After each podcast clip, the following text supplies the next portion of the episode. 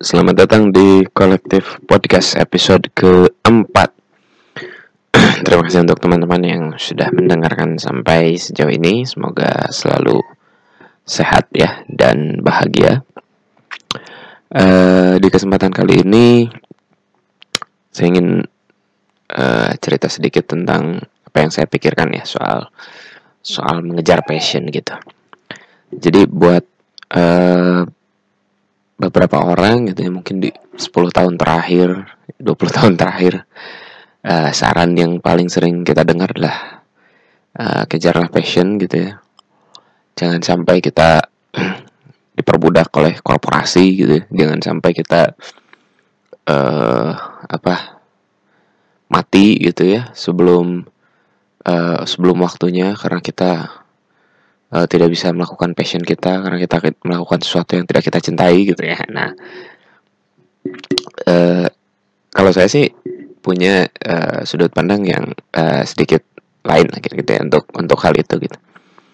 Um, tidak semua passion itu satu ya bisa uh, menjamin kehidupan kita gitu.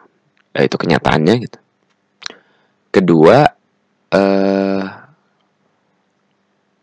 passion itu apa ya sesuatu yang yang yang juga abstrak gitu ya. Abstrak itu dalam artian kalau kamu suka nyanyi uh, bisakah itu disebut sebagai passion gitu? Tentu ada syarat-syarat yang lain gitu. misalnya ada juga yang suka nyanyi tapi ah gak mau nih itu jadi kerjaan gitu. Atau hal lain misalnya saya saya suka menulis gitu ya dan saya kira itu passion saya gitu. Sampai saya pernah kerja di sebuah uh, industri yang uh, mengharuskan saya menulis gitu. Ternyata saya nggak suka juga gitu. Oh ternyata itu hanya hobi mungkin. Ternyata uh, hobi ketika dijadikan kerjaan dan kita dituntut untuk punya target terhadap hal itu nggak uh, enak juga gitu. Ah, saya kira mungkin yang disebut passion itu uh, lebih rumit gitu daripada sesuatu yang kita suka gitu. Um, makanya menurut saya terutama gitu ya kalau misalnya teman-teman baru lulus kuliah gitu ya nggak usah ngejar passion dulu gitu nggak usah merasa harus wah ini bukan passion saya gitu ketika mulai kerjaan ya nggak masalah sih sebenarnya gitu justru ketika kita punya kerjaan gitu ya yang layak nah kita punya celah untuk uh, menjalankan passion kita gitu. Karena kenapa? Karena kebutuhan primer kita terpenuhi. Um, bahkan kadang ada uh, passion itu yang uh, boros ya kita ngeluarin biaya gitu karena bentuk passionnya gitu. Nah untuk membiayai personal project itu ya kan kita butuh penghasilan yang tetap dulu gitu. Nah di sini menurut saya penting ya untuk untuk kita bisa membedakan, uh, pahami dulu uh, naturnya passion kita itu seperti apa. Apakah dia yang bisa langsung ngasilin duit atau enggak gitu, atau justru butuh dibiayai gitu. Terus mungkin ada yang berpendapat ah ini nyambunginnya passion sama duit terus ini dengan apa ya dengan jiwa dengan uh, uh, apa uh, emosi gitu ya emosional gitu. Ya kalau saya sih bicara realitasnya saja gitu. Uh, kalau mau ngomong ideal ya, yang paling ideal itu kan uh, patronize ya. Jadi artinya uh, kita dicukupi kebutuhan entah oleh negara, entah oleh patron gitu ya, oleh pemodal gitu. Terus kita bisa berkarya dengan passion kita itu sesuka hati kita gitu.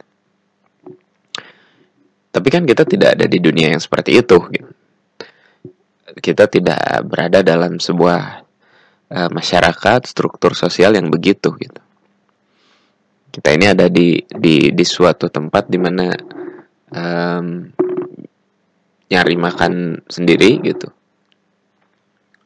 pun ya kalau mau mengembangkan passion ya suka-suka gitu. berhasil atau enggak terserah lu gitu nah kita harus harus sadari itu dulu gitu menurut menurut saya ya gitu eh, silahkan kalau teman-teman punya uh, pendapat yang berbeda.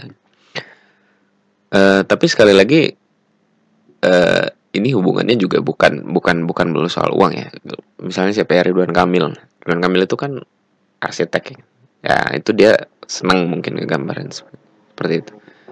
Tapi toh kerjanya kan jadi sekarang jadi jadi pemimpin daerah gitu.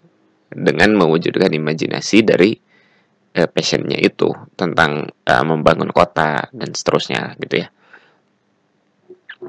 Nah maksud saya kan bahkan untuk sampai ke situ pun gitu uh, orang harus kerja yang benar dulu gitu ini kita kesannya uh, ajakan untuk untuk mengejar passion itu mengesampingkan bahwa kita tidak atau jangan gitu ya membangun karir, membangun uh, kemapanan ekonomi gitu.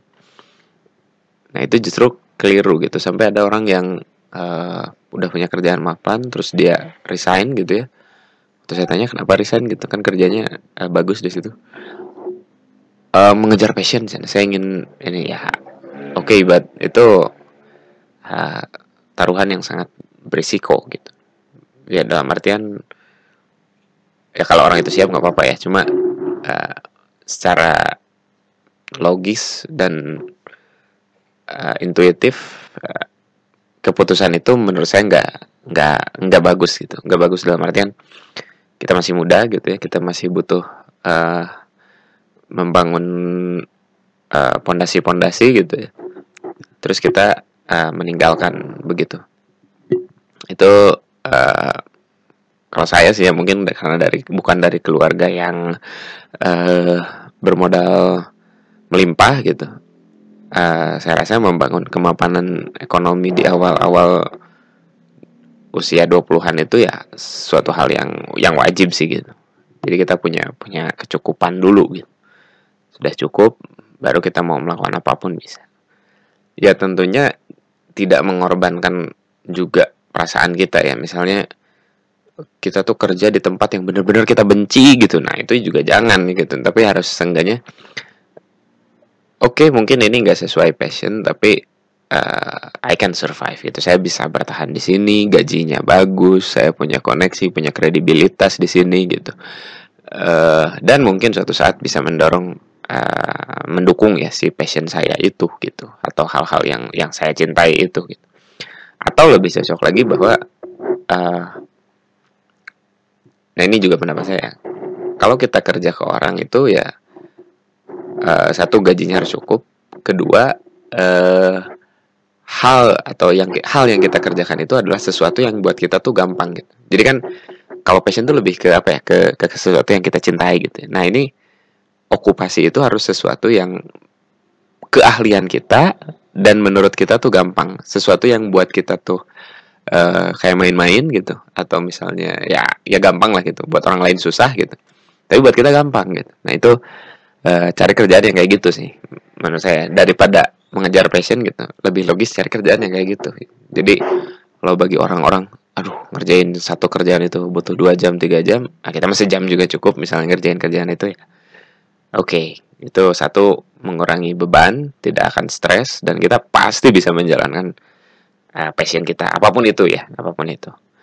Oke okay, uh, eh, itu aja mungkin uh, untuk episode kali ini kolektif podcast mudah-mudahan bermanfaat. Sampai jumpa lagi